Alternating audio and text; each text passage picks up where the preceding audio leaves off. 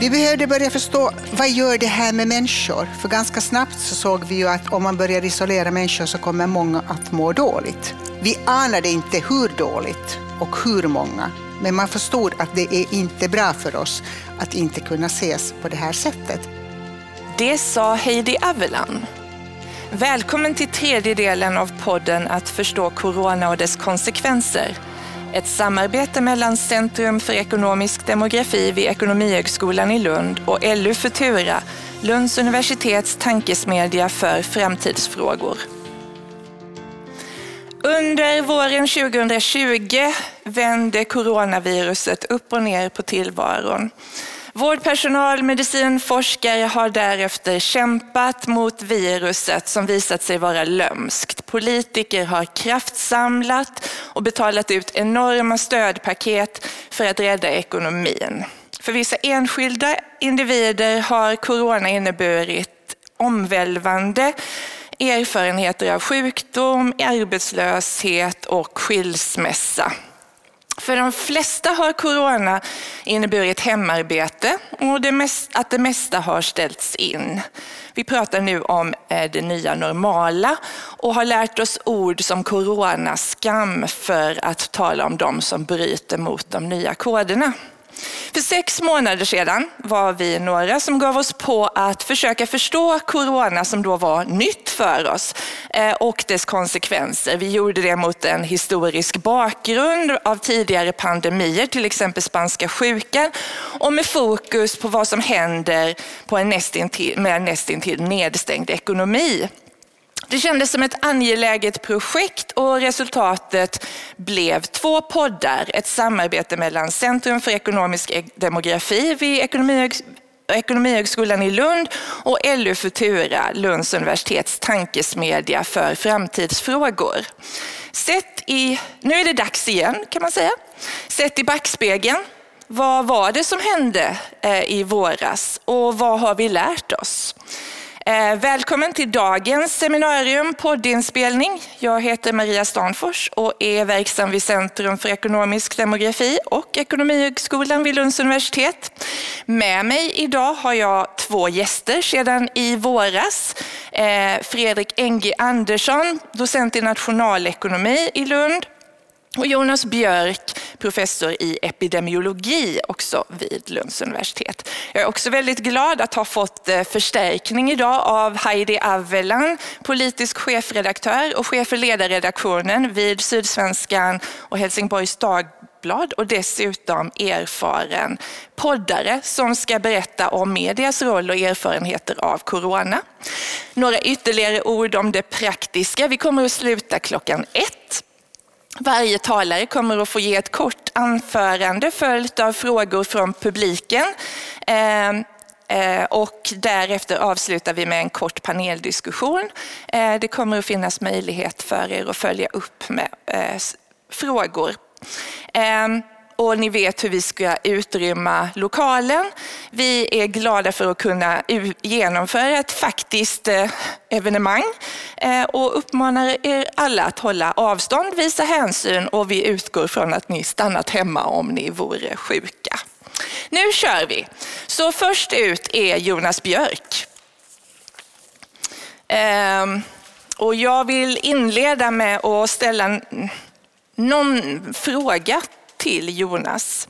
I våras slog corona hårt mot Sverige med relativt höga dödstal. Det blev stor uppmärksamhet kring den svenska strategin. Nu verkar den klara situationen bättre, men Folkhälsomyndigheten sa häromveckan att vi kan räkna med hemarbete även under våren och att corona kommer att påverka våra liv även under 2021. Det eh, rapporteras om ökad smittspridning i Europa men också i Sverige. Stockholm, eh, kopplat ibland till fester, idrott, särskilda omständigheter. Eh, fortfarande är talen lägre än i vår, men det stiger eh, trots att vi testar mer. Är detta en ny andra våg som vi pratade så mycket om i eh, eh, våras eller är det så kallad klustersmitta? Och vad är egentligen skillnaden mellan de två? Och vad har du som epidemiolog lärt dig? Tack för det. Jag ska se om jag kan adressera de här frågorna i, i mitt eh, anförande. Eh, skulle vilja börja med följande. En, en viktig sak som vi lärt oss från ett epidemiologiskt perspektiv under de här månaderna är den stora ojämlikheten i sjukdomen och vem som har drabbats. Vi ser väldigt stora skillnader i hur många som blivit svårt sjuka och avlidit i covid-19 i olika världsdelar. I Europa har vi dessutom stora skillnader mellan pandemins framfart i olika länder, men också stora skillnader mellan olika regioner inom ett land. I några, några regioner i Europa så var dödligheten mer än fördubblad faktiskt under våren 2020 medan andra regioner har haft normal dödlighet eller till och med lägre dödlighet än vanligt. Och det finns då flera orsaker till den här variationen som vi har sett. Hur stort inflödet var och den initiala smittspridningen var förmodligen eh, av stor betydelse. Till, helt konkret till exempel vilken vecka sportloven inföll i olika regioner och hur många som då åkte skidor i Alperna. Men också befolkningsstrukturer, befolkningstäthet och boendeförhållanden har spelat roll. Men det är också sannolikt, ska sägas, att åtgärder som har gjorts för att dämpa smittspridningen och inte minst tajmingen i de här åtgärderna har haft betydelse. Dessutom ser vi stora skillnader i risken att bli allvarligt sjuk om man har blivit smittad. Som tur, är det mycket, som tur är så är det mycket sällsynt att barn blir svårt sjuka. Däremot är risken hög bland, bland äldre. Det är också stora könsskillnader som vi vet. Män har väsentligt högre risk än, än kvinnor. Inledande siffror pekade exempelvis på att en kvinna måste vara en till två decennier äldre för att komma upp i samma risknivå som en man. Risken för att bli allvarligt sjuk är även kopplad till hälsostatus och annan sjuklighet såsom lungsjukdom och också kopplad till fetma. Dessutom har rökare större risk att bli svårt sjuka än icke-rökare. Inledande studier pekade visserligen på motsatsen men de, de studierna var faktiskt av tämligen usel kvalitet och därför missvisande i sina slutsatser. En ny och mycket välgjord studie från Stockholms universitet har pekat på högre dödlighet i covid-19 bland personer med låg utbildning, låg inkomst och bland ensamstående. Dessutom har man sett förhöjd dödlighet i invandrargrupper från låginkomstländer. Så här finns eh, upp, alldeles uppenbart en, en tydlig social gradient i vem som drabbas svårt av sjukdomen. Det finns emellertid också positiva lärdomar som jag vill lyfta fram. Sjukvården har successivt blivit bättre på att handlägga och vårda patienter med covid-19. Dödligheten bland patienter som behandlats inom intensivvården har exempelvis sjunkit eh, markant. Orsakerna till detta är inte helt klarlagda men det är sannolikt att, att nya kunskaper kring behandling och läkemedel såsom blodförtunnande mediciner, kortison och antivirala läkemedel har spelat roll. Man har också lärt sig mer om när och hur man ska använda respiratorbehandling. Från epidemiologiskt håll har vi också lärt oss mycket om smittspridningen som sådan. Vi pratade mycket om reproduktionstal och R-värden inlednings, inledningsvis under pandemin.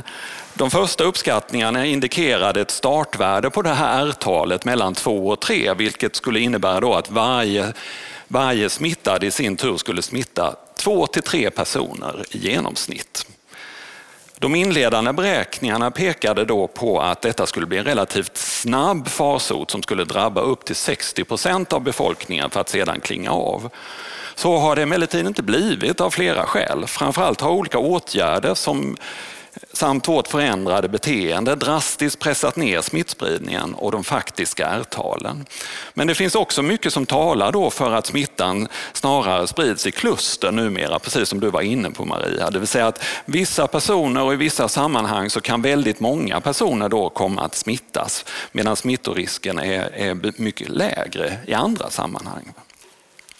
Smittspridningen och dess matematik påverkas också av vår benägenhet att hålla fast i rekommendationerna va? och vara försiktiga med exempelvis privata fester i trånga lokaler som du också var inne på Maria. Eh, positivt är emellertid att vi nu har betydligt bättre beredskap för att slå tillbaka utbrott och skydda riskgrupper än vad vi hade i pandemins inledning och på så sätt liksom undvika att det som är en klustersmitta övergår till en mer liksom omfattande samhällsspridning igen, som ju skulle ju vara en andra våg i så fall. Den nya kunskapen om smittspridningen leder dock till en i högsta grad tråkig insikt va, som vi har fått under de här månaderna. Nämligen att detta är ett virus som vi tvingas lära oss att leva med under en längre tid än vad vi kanske först trodde. Va. Förhoppningen är ändå att corona på sikt, liksom säsongsinfluenserna, blir något som vi vaccinerar befolkningen med, mot regelbundet och därmed kommer att hålla, kunna hålla i schack. Va? Men, men dit är det fortfarande ett tag kvar och från epidemiologiskt håll behöver vi fortsätta att studera och lära oss mer om konsekvenserna. Eh, inte bara de direkta hälsokonsekvenserna men också de indirekta som kommer av det här ändrade beteendet, vårt, vårt ändrade livsstil, påtvingat eh, isolation, eh, förändrad arbetssituation under pandemin. Det är också viktigt förstås att följa upp alla som har drabbats av sjukdomen för att kunna studera eventuella långsiktiga effekter på hälsan och risker för annan sjukdom. Mm. Um Ja, det här med, med liksom, om jag följer upp det då, det finns en skillnad mellan kluster men också det här med andra vågen. Om, om du skulle göra någon reflektion för till exempel att dra en parallell till eh, situationen med spanska sjukan för hundra år sedan. Då säger vi ofta att den andra vågen kommer att drabba Sverige värre än eh, andra länder. Eh, idag, nu verkar det som om det är, eh, Sverige inte har samma, eh, det är inte samma sak som händer, men, men vi kan Ja. Hur ser du på, ja. på att göra den här historiska eh, jämförelsen? Först och främst, jag tror det är väldigt viktigt att göra den här jämförelsen just för vi kan lära oss mycket av historien hela tiden. Va? Och här finns likheter, här finns skillnader.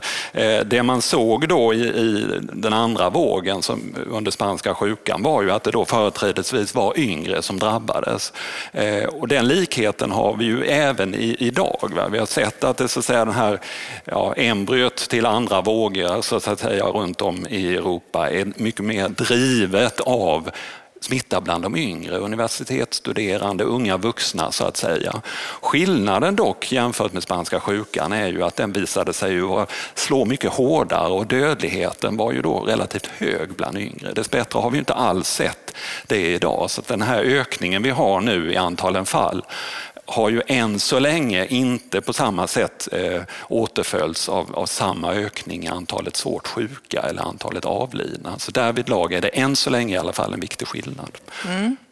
Eh, jag vänder mig ut till publiken eh, och undrar ifall det finns någon fråga. I så fall res er upp, eh, tala högt och tydligt eh, och eh, vid eventuellt behov så upprepar jag frågan för eh, inspelningens skull. Några frågor till eh, vår lokala epidemiolog? Ja? Okej, fråga från publiken. Kan Lundaspelen genomföras eh, under jul och nyårshelgerna som vanligt? Ja, jag vill inte direkt gå in och recensera det beslutet men, men allmänt kan man säga att det är klart att det finns så en, en, risk för smittspridning när man samlar så många på, på en och samma gång. Va? Och det, det, även om det är så att risken för att, att unga ska, ska bli svårt sjuka dessbättre är väldigt låg va? så kan det ju likväl vara en mot motor för eh, ökad smittspridning i samhället. Att de sin tur eh, sprider sjukdomen vidare till de som är mer sårbara. Så man ska vara försiktig med sådana evenemang. Någon annan fråga? Bo? Okej, bottom line. Hur hög är den coronarelaterade dödligheten? Det är en viktig fråga och det är väldigt svårt att mäta den på ett bra sätt. Jag tänker att en av de bästa sätten är att titta på överdödligheten. Det vill säga titta på hur stor är, har dödligheten varit, hur mycket högre har den varit under vissa perioder under pandemin jämfört med hur den brukar vara under motsvarande period. Va? Då kommer man ifrån det här som handlar om att det kan vara skillnader i olika länder och så hur man rapporterar in dödsfallen och hur man så att säga, klassar dödsfallen på, på individuell basis basis. Den andra sidan, det där med, med så att säga, hur hög är dödligheten, så, så tänker jag att det är ju ett slags genomsnitt i befolkningen där, där vi har en relativt ändå så att säga, liten grupp som har mycket hög risk, va, där dödligheten är, är mycket hög. Va. Och sen har vi en stor grupp där, där dödligheten är väsentligt lägre och närmar sig noll för stora grupper dessbättre. Va. Så det gör det att det där genomsnittet, så, så, som jag tänker, egentligen inte är så intressant för det är inte liksom deterministiskt utan det beror ju helt enkelt på hur bra vi lyckas med att skydda de sårbara. Va. Desto lägre så att säga, dödstal i genomsnitt hamnar vi på. Eh, jag tänker följa upp där på eh, faktiskt eh, att vi också har upplevt under våren och sommaren underdödlighet. Regionalt, Västerbotten hade underdödlighet under i stort sett hela våren och vi har även haft underdödlighet i vissa sjukdomar jämfört med vanliga år. Hur kan man förstå det? Om man nu inte är medicinskt tränad? Alltså, först jag vill säga där att, att det går liksom inte att använda som någon slags det förminskar inte effekten av, av det som hände i våras. Va? Att, att, så att säga, det, så att säga, Eh, det som drabbade oss och drabbade liksom stora delar av världen, va? Det, det var liksom en effekt där och då. Den, den blir inte mindre stark av att, så att säga, vi får, får någonting tillbaka genom liksom mindre dödlighet i en annan period. Va? Det kan vara så att man har en viss effekt av, av att, att, så att säga, såra, sårbara grupper dog i, under pandemin och att man så att säga, initialt har, har, kan då så att säga få lite lägre dödlighet i, liksom, ja, i efterhand. Va? Men det där behöver man titta närmare på. Va? Det är fortfarande en väldigt kort period va? och de dödlighetstalen de går upp och ner av många andra orsaker så det är väldigt svårt i det här läget att säkert säga att det är liksom en följd av pandemin. Okej, en snabb fråga. Ja. Sveriges dödlighetstal i förhållande till de nordiska grannländerna. Ehm, det är en komplex fråga. Det är ju så att, att det här, så att säga, hur hårt drabbat ett land är bestäms av flera faktorer. Eh, som jag var inne på tidigare, det här med hur stor var den initiala smittspridningen? Hur, alltså helt enkelt, när, när hade vi sportlov? När hade, vi, eh, när hade våra grannländer sportlov? Det där kan spela stor roll. Eh, det är också, kan också vara skillnad i befolkningsstruktur. Hur pass så att säga, eh, tättbefolkade storstäder vi har kan också vara en, vara en viktig skillnad skillnad. Sen är det nog rensat för det så ska man nog vara öppen med att det klart också kan ha spelat roll hur man agerade, eh, vilka åtgärder man tog in och kanske allra mest alltså när man gjorde det, va? som lite grann har, har försvunnit tycker jag i diskussionen, nämligen att det inte bara att en, en åtgärd i sig, va? den kan vara helt felaktig eller den kan ha, ha effekter beroende, beroende på när man inför den. Eh, och där är det ju ett observandum att om man så att säga, trots, trots att man liksom tar hänsyn till till eh, att Sverige var, så att säga, hade en större initial smittspridning, om man tittar lite mer noggrant på detta, så, så, så är det ändå så att vi kommer ut i, i lite dålig dag jämfört med våra grannländer. Okej, tack Jonas. Och nu eh, växlar vi perspektiv och eh, går från medicin till ekonomi. Eh, Fredrik, i våras så hörde vi larmrapporter om en ekonomi i fritt fall nästan varje dag. Eh, den svenska såväl som andra regeringar och EU lanserade det ena krispaketet efter det andra och stora mängder pengar pytsades ut för att stötta ekonomier för att undvika vad vi då sa krasch och depression.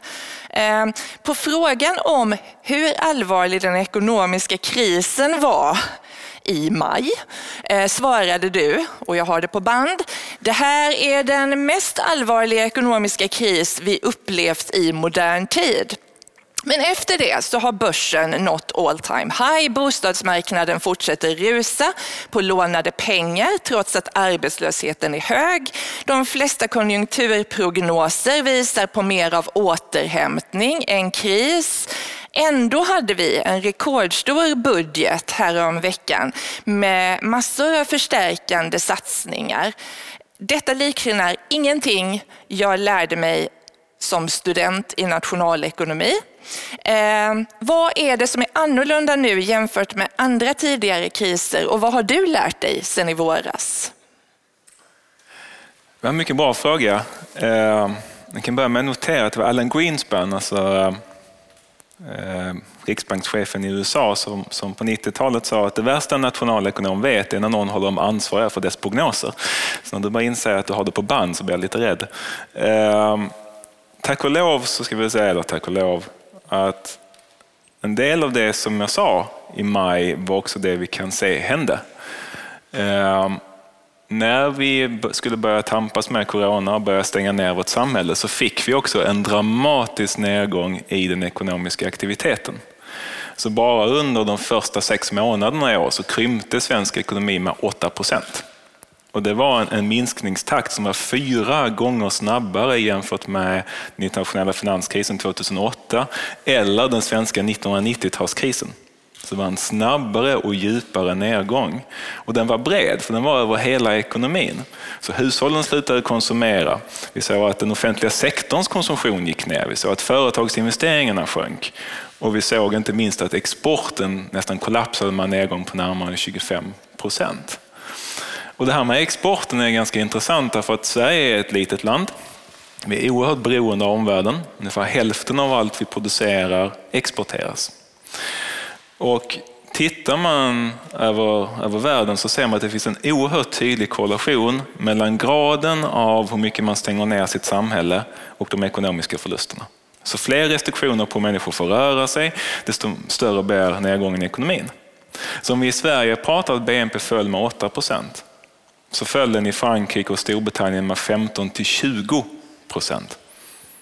Det är ungefär som om ni tar er månadsinkomst och så tar ni bort 20 procent av det, alltså en femtedel.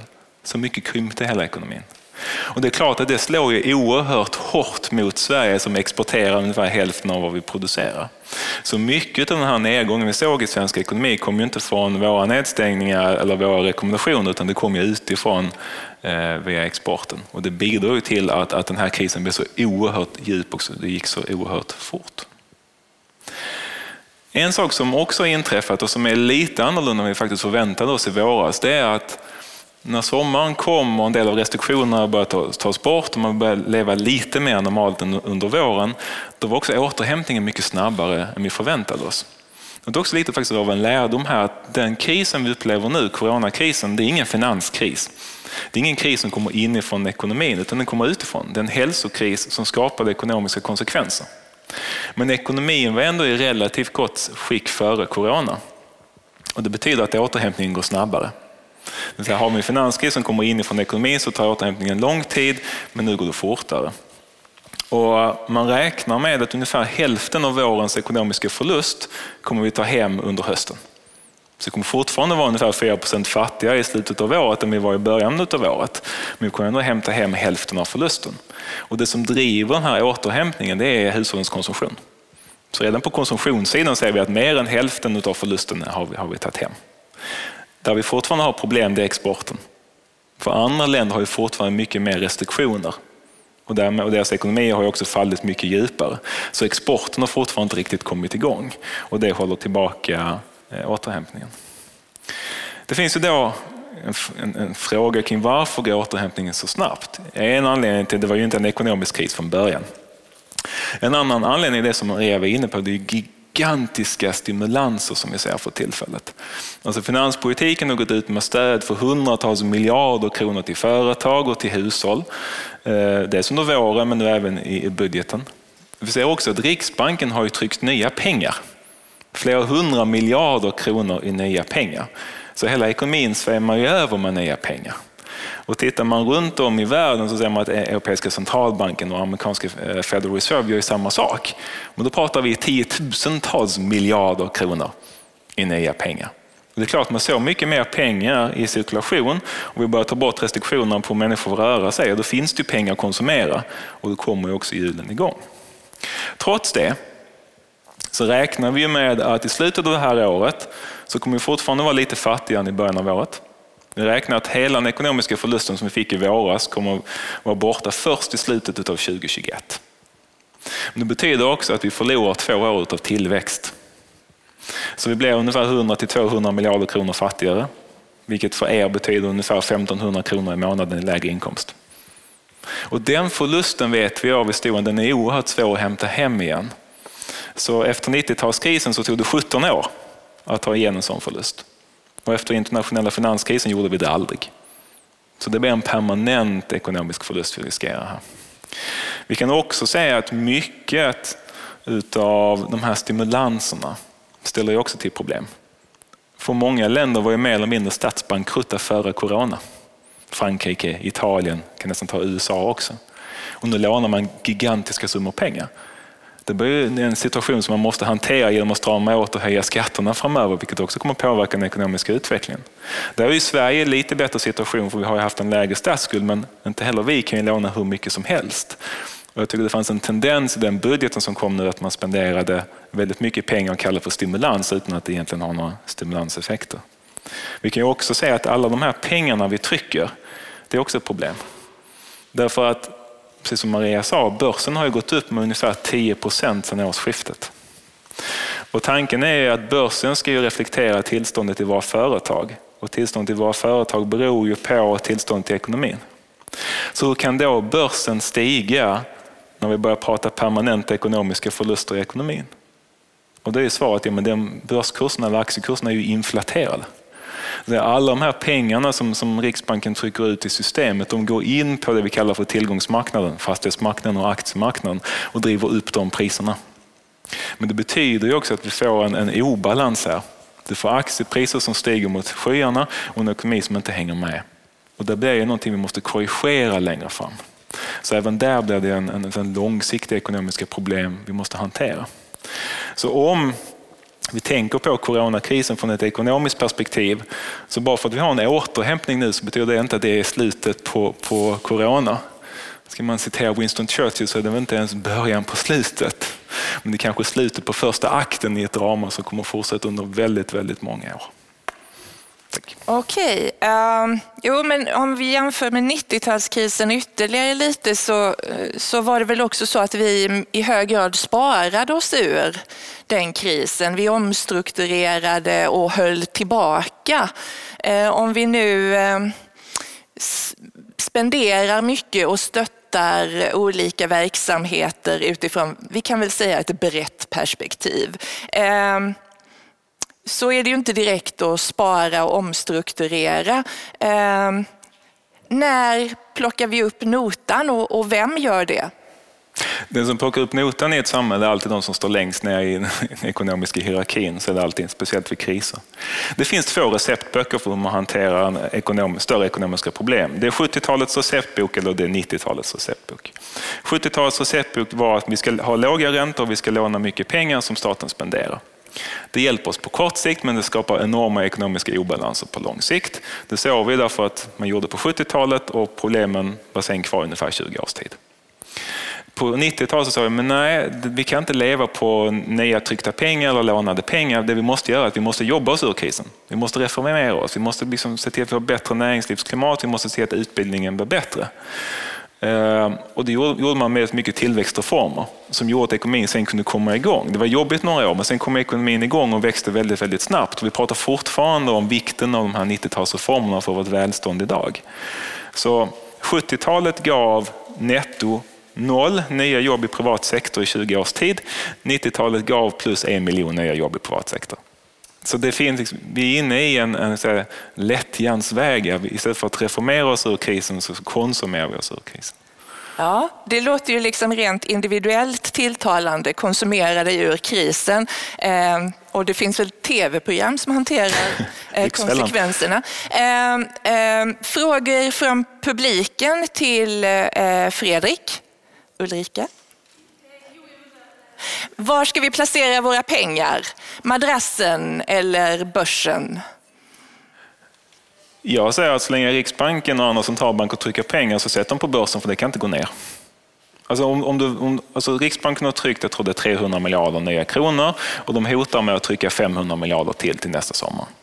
De pengarna ska ju ta vägen någonstans. Och det de gör är att de köper obligationer, som köper, de köper någonting som alltså folk sparar i obligationer. Riksbanken köper dem, folk vill fortfarande spara. Vad gör de då? De sätter pengarna på börsen och så stiger börsen eller så köper de fastigheter och så stiger fastighetspriserna. Så att så länge Riksbanken och andra centralbanker trycker nya pengar, då är det håller på börsen. Sen gäller det att hoppa av innan de vänder det hela. det är ju risken man tar. Ja, och då, då vet vi vem vi ska ringa innan vi hoppar av. Eh, eller inte. Eller en inte. till. Hur klarar södra Europa finanserna? En anledning till att södra Europa inte har gått bankrutt är att Europeiska centralbanken har tryckt ner pengar. Man börjar nu närma sig gränsen där inte Europeiska centralbanken vill göra det längre. Och då har man ju lanserat det här europeiska liksom hjälppaketet på 750 miljarder euro, vilket är designat på ett sådant sätt som man, det är vi som ska subventionera södra Europa får hjälpa dem lite till. Men det är bara kortsiktiga lösningar, för det löser inte själva huvudproblemet. Eh, och, och södra Europas huvudproblem är konkurrenskraften och kunna få ekonomisk utveckling. Och så länge man inte har det så klarar man inte av sina skulder heller. Så Sydeuropas skuldproblematik är inte löst. Vi, bara skjut, fortsätter, vi har skjutit den framför oss i tio års tid. Vi fortsätter skjuta den framför oss så länge det går. Det är obehagligt, men det, ska, man, ska man komma ur det obehagliga så måste man ju göra någonting. Men det, det finns ju få som gör någonting. Ja, en fråga till. An Annars så kommer jag att ställa en fråga och det var också tillbaka till 90-talskrisen för där har vi ju också, eh, åtminstone ehm, när man eh, var, faktiskt skolades under den perioden med Lindbecks eh, utredningen och så. Det fanns ett väldigt tydligt eh, eh, politiskt ledarskap i hanteringen av 90-talskrisen. Idag har vi ett helt annat politiskt landskap och eh, om man som semilekman läser budgeten i år så, så kan man ju göra vissa reflektioner. Politik och ekonomi hänger ju tydligt ihop. Hur skulle du kort se på hanteringen utifrån budgetperspektivet och sett i en, det nya politiska landskapet? Alltså jag, skulle beskriva, jag har precis skrivit, avslutat ett papper som handlar om svensk stabiliseringspolitik 1873 till 2019 och det är en ty, tydlig tendens som kommer igen och det är att när tiden kommer att vi behöver reformera hur vi tänker och hur vi agerar så klarar vi inte av det utan vi kör vi kör eh, den enkla vägen tills det kraschar. Och jag upplever som att både från penningpolitikens sida och finanspolitikens sida vi behöver ett nytänkande men vi klarar inte av att hitta det nytänkandet här. Och budgeten, men det är ju man säljer, man säljer budgeten som stimulans. Och man, vi vet att sänkta arbetsgivaravgifter från ungdomar ger inte många nya jobb, så det är inte mycket stimulanser. Att sänka skatten 2022 är ingen stimulans för en eventuellt väldigt nära valet 2022. Eh, tittar man på klimatsatsningar så är det 150 miljoner till cirkulär ekonomi, det är 240 miljoner till någonting annat. Det är symbolpolitik, det är ingenting som är samlat. Eh, så jag upplever budgeten väldigt mycket som en, en, politisk budget, inte en samhällsekonomisk budget för att hålla ihop samarbetet. Eh, och det påminner väldigt mycket om 70-talet där vi också hade svaga regeringar och man klarar liksom inte av att fatta de tuffa besluten. Och det är inte bara Sverige, man ser det i andra länder också. Så jag är lite orolig inför framtiden om det inte bara är så att vi behöver gå igenom detta innan vi kan, vi kan göra någonting nytt. Okej, tack Fredrik. Ehm, och nu så vänder jag mig till Heidi. Ehm, som ju företräder en eh, bransch som fick eh, Eh, ett enormt uppsving under corona. Eh, det dök ju upp i nyhetssändningar och press i vintras. Först som en okänd lungsjukdom, sen som ett sars-liknande virus och blev snart en medial sensation kan man väl säga. Eh, bidrog till att skapa en efterfrågan på all sorts media, traditionella nyhetsmedier, större än på väldigt länge upplever jag det som i alla fall. Ehm, samtidigt så spreds rykten på en massa kanaler, inte minst eh, sociala medier. Och jag tycker att det har varit jättespännande att få höra hur ni som företrädare för de traditionella medierna ehm, upplevde våren mot en bakgrund av eh, fallande prenumerationstal, minskade annonsintäkter, upp uppfattningar och i svung om alternativa fakta och fake news. Eh, det måste ha varit både en enorm utmaning och ett nästan chockartat uppvaknande. Hur var det? Vi har aldrig tid för chock, jag bara säger. Vi har jobb att göra. Eh, men, eh, om ni tänker tillbaka till januari ungefär. Minns ni vad det, vad det var man såg? Det var människor i Wuhan inlåsta i sina hus som stod på balkongerna, pratade med varandra, vinkade till varandra. Så småningom så kom det bilder från Italien där det var på, lite på samma sätt och det var lite man hejade på sjukvårdspersonal. Det var väldigt exotiserande framför allt. Det kändes som att det här är någonting som händer någon annanstans med andra människor. Eh, vi började redan då sitta och försöka se om det skulle komma hit. Varför skulle det inte komma hit? Vad betyder det? Vilken beredskap har vi? Men det var inte den journalistiken som riktigt fick den stora läsningen, ska jag säga. Vi mäter på längden och tvären så vi vet. Låtsas inte att ni läste de intressanta små notiserna. Det var inte så, utan, utan man, man såg det, det stora, det intressanta, det nya. Och visst, läsningen gick upp. Som sagt, vi mäter på längden och tvären. Vi vet att det var en enorm läsning på de här artiklarna. Eh, för oss så var det en jätteutmaning, självklart, som för resten av samhället. För här hade vi att göra med ett virus som ingen visste någonting om, som det verkade. Det gick att ligga, en av mina medarbetare höll på via Twitter leta reda på kinesiska forskare, forskare som höll på med det här. Man kunde få fram en del saker, men liksom den stora berättelsen var svår att hitta kring viruset. Vi förstod att det var en smygande fara och vi ville berätta utan att vara alarmister. Det i sig är väldigt svårt, därför att ju närmare man kom detta virus, desto hemskare framstod ju det.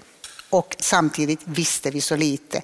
Vad ska man berätta? Vad ska man hålla inne och söka mera uppgifter om? Och så var det ju inte bara viruset i sig, eller hur? För oss är ju det viktiga att berätta vad betyder det här för er, det vill säga samhällseffekterna. Att ganska snabbt försöka förstå vad betyder det här för skolor, för företag, för vardagslivet, för kommunikationer. Vi försökte, lyckades vi se vad som väntade om hörnet? Det gjorde vi ju inte. Det blev ju väldigt från dag till dag att, att lägga pussel. Eh, men vi skulle också klara av att förstå vad betyder det här för vården? Vad har vi för beredskap? Vilka skyddsåtgärder krävs och vad har vi möjlighet att svara på? Allt det här, och nu är vi fortfarande inne alltså på den första månaden ungefär. Vi är någonstans i februari, mars. Vi behövde börja förstå vad gör det här med människor? För ganska snabbt så såg vi ju att om man börjar isolera människor så kommer många att må dåligt. Vi anade inte hur dåligt och hur många, men man förstod att det är inte bra för oss att inte kunna ses på det här sättet. Eh,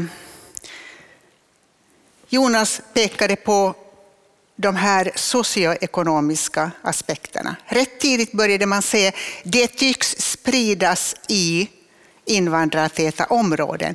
Men hur berättar man en sån sak utan att peka ut det är något med invandrarna som är fel? Ni förstår, det landar väldigt lätt väldigt snett. Somalierna var en grupp som snabbt pekades ut. Det sprids bland somalier därför att somalier har speciella sätt att samlas när någon dör var en sån här historia som, som började berättas. Och jag säger inte att inte saker är sanna, men det är ju också vad ska man berätta och varför? Vad vill man ha sagt med det här? Ehm, det här var nytt, det var oväntat, det var lurigt och så småningom så börjar man ju se att det här kommer att drabba ekonomin. Först så kändes det som att det kommer att drabba ekonomin på det sättet att restaurangerna måste stänga. Det kommer inte att liksom, folk går inte ut och handlar. Det, det, handlar om min stad, butikerna på min gata, vad händer med dem? Men rätt snabbt så förstår man ju att händer det där så händer det ju på en mycket högre nivå. Äh, människor kan inte gå till sina jobb. Och det svåra är inte att få svar. Det är faktiskt inte det som är det knepiga för journalistiken. Det svåra är att hitta frågorna, att förstå vad det är man behöver få veta. Eh, det var vad vi jobbade med då. Och detta i ett medielandskap, ett debattlandskap, ett samhälle som är så polariserat som det är idag. Det betyder att rätt snabbt så ser vi att alla rykten som är ute är inte bara missuppfattningar eller aningar, utan det finns ju fake news. Det finns information här som skickas ut med ett syfte. Och då gäller det ju samtidigt som man försöker se frågorna och få svar på dem att förstå vilka frågor är inte frågor? Vem försöker missleda oss och i så fall varför? I den här polariserade debatten så blev det snabbt väldigt intressant att ge sig på, du satte oss som de traditionella medierna, eh, och delvis gällde det här på sociala medier. Men säg att särskilt de traditionella medierna, vi blev väldigt ifrågasatta för att sitta i maktens knä. Vi säger bara samma som Folkhälsomyndigheten säger. Vi tror på statsepidemiologen. Och det kan man ju säga att vår uppgift är ju faktiskt att granska makten. Men hur granskar man en makt som inte riktigt ens den har koll på fakta? Ska vi då ha en bättre koll på fakta?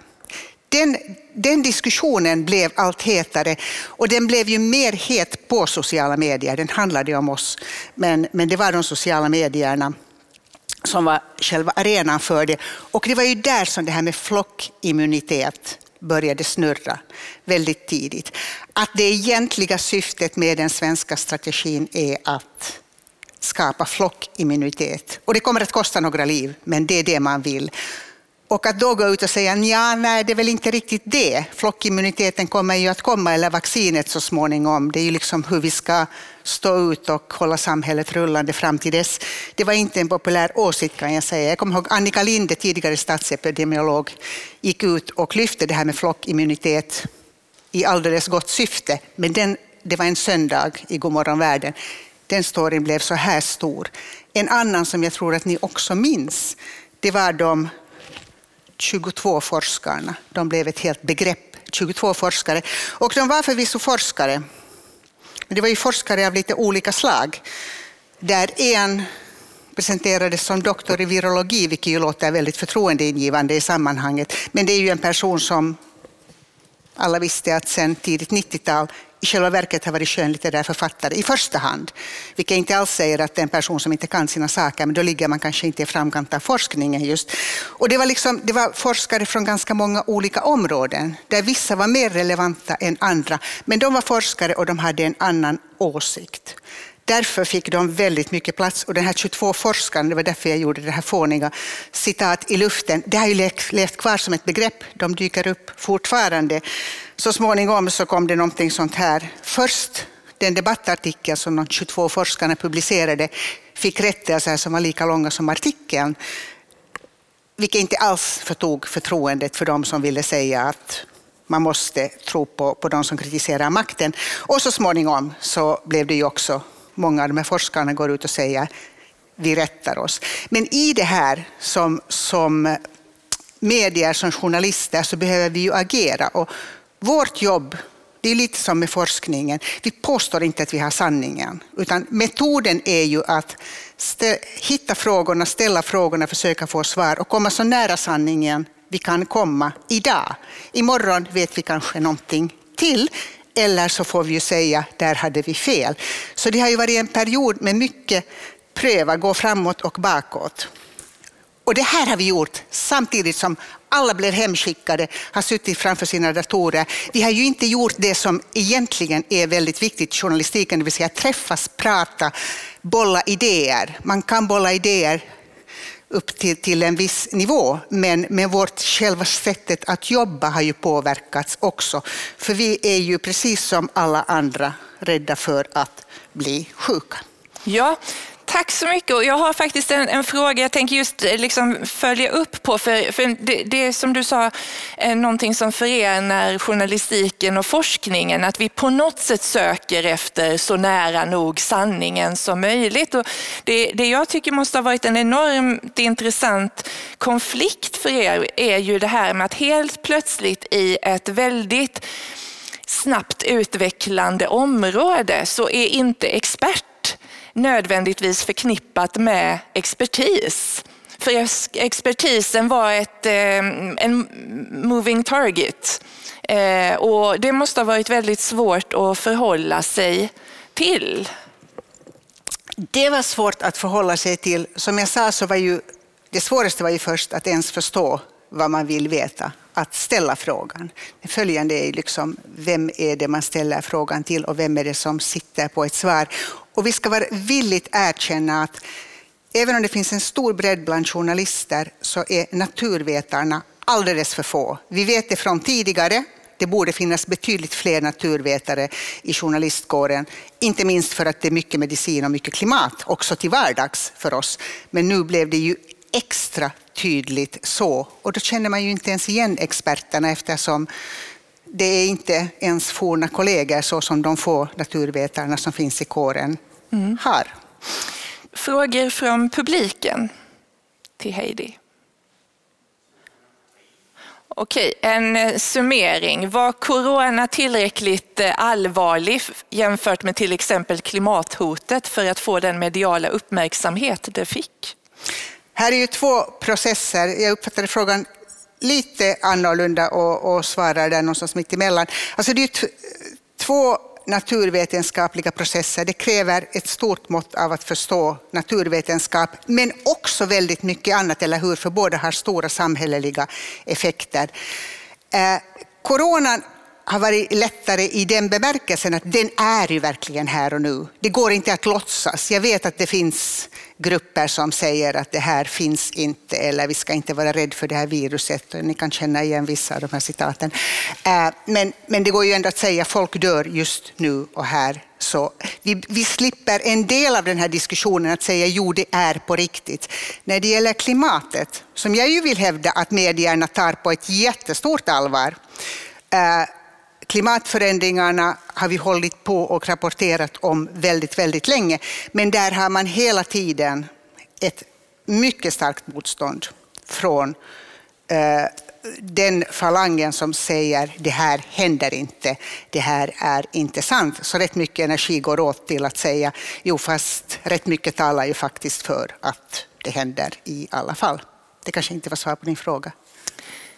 Jag tänker att att eh, Fredrik och Jonas kommer upp på podiet och så avslutar vi med några frågor och eh, eh betraktelser. Om vi ska summera upp eh, från vad ni har pratat om alla tre. Ehm, vad, vad är liksom den, den stora lärdomen av corona hittills? Eh, vad har eh, ni lärt er som eh, professionella, kan vi väl avgränsa oss till. Och det hade också varit intressant att höra er kort reflektera om vad är det närmsta ni kan, vad kan ni jämföra med närmst det som har hänt och händer. Ska vi eh, låta Jonas eh, plocka upp den bollen först? Jag kan börja med den så att säga, andra delen av frågan så tror jag det är ändå närmsta om man tittar bakåt i tiden så har vi ju dels eh, spanska sjukan som vi pratade om tidigare som ju liksom också var enorm i sin omfattning. Och vi får se när vi summerar corona eh, så småningom var vi, var vi, var vi hamnar i jämförelse. Ehm, Mer närliggande är ju kanske också att jämföra med aids-epidemin på, på 1980-talet som, som också förstås hade väldigt, väldigt långtgående konsekvenser. Ehm, så det är de, de två exempel jag närmast jämför med. Vad har vi då lärt oss? Jag tycker från epidemiologin så har vi nog lärt oss det här att det är, det är det är komplexiteten i det. Alltså att det är så många komponenter i det. Det är rent, rent medicinska komponenter, det är det, är det så att säga, e-, epidemiologiska tänkandet kring smittspridningen, hur den går till och hur det så att säga, drabbar eh, befolkningen och drabbar befolkningen väldigt olika. Men också de här andra sakerna givetvis, hur, hur så att säga, brett det slår eh, på samhället som helhet. Och därvid lag är det ju väldigt unikt att det så att säga, eh, händer i den här liksom globala världen där det liksom är den här snabba smittspridningen som, som sker va? och kan, kan ske på ett annat sätt än om man jämför eh, hur, hur, hur, hur världen såg ut 1918. Mm. Har ni upplevt eh, ökat söktryck eh, till epidemiologikurserna? Alltså, det som gör så lite det goda vid det dåliga är att om man är på en middagsbjudning, nu ska man inte vara det så ofta i dessa dagar, men om man ändå skulle vara det så, så förr var det ju så där man, ja, alltså du jag arbetar med epidemiologi, vad är, vad är det? Va? det? De frågorna finns inte längre, utan det finns liksom en, en, ja, ett annat intresse så att säga, för, för det man håller på med och alla har väldigt mycket åsikter, så det, det har ändrat sig radikalt. Vi ser ett ökat intresse också för, för våra utbildningar att, att man, man inser att det här är viktigt och någonting man behöver prioritera. Också eh, även från, från så att säga, andra grupper av studenter som kanske inte har det här som sitt eh, huvudintresse. Mm. Jag ska inte fråga vem som är din favoritepidemiolog.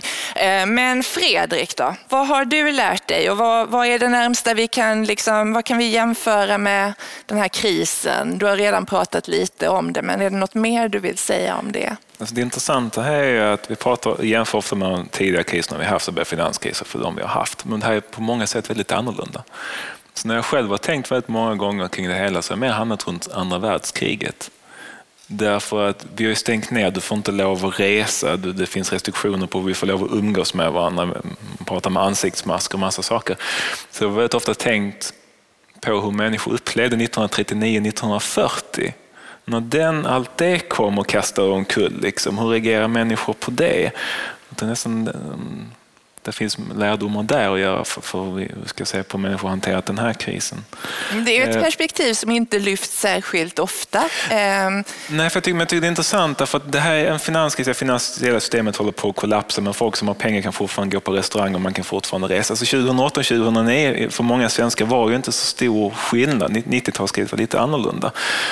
Men det är också det här som jag också har tänkt på att hur fort förändringen blir det nya normala. Eh, men nu har vi, det var ett problem att åka över till Danmark för man skulle ha personbevis och det gränskontroller, men de började egentligen 2015. Så vi har haft fem år med gränskontroller till Danmark. Det är vi helt plötsligt vana vid. Så den här världen som sluter sig in och blir mindre, den har vi helt plötsligt anpassat oss till utan vi kanske egentligen förstod vad som hände. Eh, så jag tror egentligen när vi tänker på corona så det kommer att vara så annorlunda att det går inte att jämföra med någonting annat egentligen. Och vi kommer att dra nya lärdomar av det. Sen får man hoppas vi lär oss dra bra lärdomar av dem, för det är inte säkert vi har. Tittar man på mm. kriser genom historien så har vi dragit oss lärdomar som både var positiva och negativa. Ja, modern eh, monetär teori som eh, verkar gå på sedelpresslinjen. Är det något du kommer att föra ut till dina studenter? Nej, därför modern eh, monetär teori är inget annat än traditionell keynesianism. De säger exakt samma sak som Keynes sa 1936. Eh, de använder bara ett annat argument och det de glömmer är att ska man ta logiken i deras argument så betyder det att man ska dra ner på alla de här utgifterna som de vill ha när, när ekonomin når full sysselsättning, men det verkar man inte vara intresserade av att göra. Så att här, för mig är modern monetär teori bara en ursäkt för, för att bete sig oansvarigt. Okej. Eh, fler goda råd från ekonomen kan vi säga. Eh, pengarna på börsen men ett ansvarigt beteende. Heidi, eh, vad är den stora lärdomen och är det någonting du under din journalistiska karriär kan liksom jämföra corona utbrottet och situationen? Det vanliga är ju att, att vi har ett väldigt begränsat, det kan vara en stor dramatisk händelse men det är liksom en händelse. Det kan vara terrorattacken mot tvillingtornen i New York eller Estonia går under eller någonting sånt. Det, går liksom, det tar en stund innan man greppar det men man lyckas ändå greppa det.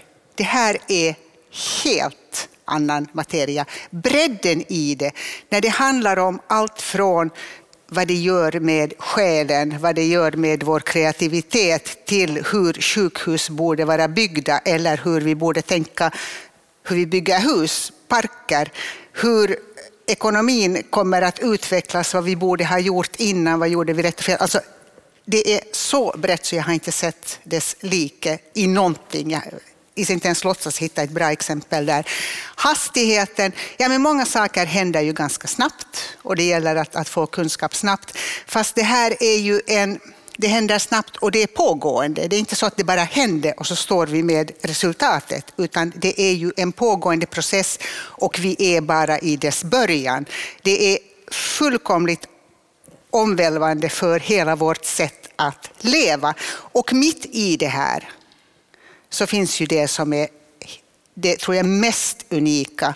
Du nämnde kriget och där kan man ju säga att du och jag på varsin sida om en frontlinje är varandras fiender. Men här är vi ju alla varandras fiender. Vi är ju potentiella faror för var och en. Det vi lär oss nu är gå inte nära en annan människa för det kan betyda att du mister livet om en stund. Alltså, den synen på andra människor tänker jag att kommer att bli den, den riktigt den effekt som lever med oss längst och som jag inte alls är säker på att vi är kapabla att hantera. Den är jag rädd för på riktigt. Men det är klart att, att vi kan också säga här finns en chans att göra någonting riktigt, riktigt bra. För det här är en jätteomvälvning av hela vårt samhälle. När alla bollar ändå är i luften så kan vi väl passa på att fånga in dem och placera dem lite mera rätt när de trillar ner. Inte minst när det gäller att klimatanpassa, att göra processer som är mer hållbara för klotet. Det kostar i alla fall. Det är ändå raserat. Ska vi bygga upp det så kan vi åtminstone göra det rätt. Ja, gör om, gör rätt. Eh, jag måste bara ställa en snabb fråga eh, om eh, senaste veckans stora nyhet, med, eller det var kanske för förra veckans stora nyhet med Trump och covid. Kan man bli infekterad av något som är en bluff? Och hur kommer coronan att, kommer coronan att spela roll för det amerikanska presidentvalet? När president Trump stiger in i ett, en flygande farkost för att lämna Vita huset så var det ju en sån här av de många, många, många grupperna som nu äh, sysslar med konspirationsteorier, Qanon-gänget som såg att nu händer det, nu rullar han ut. Nu lyfter han Air Force One för att rensa ut hela möget. Det är det man har väntat på, så det fanns ju de som jublade. En annan konspiration kring det hela är att ja men, han var ju inte alls sjuk. Han gör det här därför att under hans regim så har den här pandemin hanterats så uselt i USA att han behöver på något vis hitta en en egen berättelse som visar I'm on top, jag har koll på läget. Nej, men titta, jag blev sjuk men jag är frisk, man behöver inte vara rädd för det här. Det är klart att det går att spinna en massa kring det. Och om det är någonting man kan säga om det amerikanska valet så är det ju att det finns många berättelser som spinner där för olika grupper. I de grupperna så spelar det, tror jag, en stor roll. Man blir bekräftad i sin syn.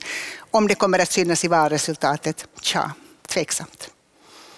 Okej, jag tackar eh, Jonas Björk, Fredrik N.G. Andersson och eh, Heidi Avelan för ehm, väldigt eh, tydliga, klargörande insatser. Jag känner mig i alla fall eh, klokare än vad jag gjorde för en timme sedan. Jag hoppas att ni i publiken gör detsamma. Tack för att ni kom. Återigen tack för panelens insatser. Tack Eh, LU-konferens för inspelningar. Ulrika Oredsson för att eh, dra, eh, eh ja, låta det hända. Eh, ha en fortsatt trevlig dag. Håll i, håll ut, håll avstånd. Ehm, ja, på återseende. Tack.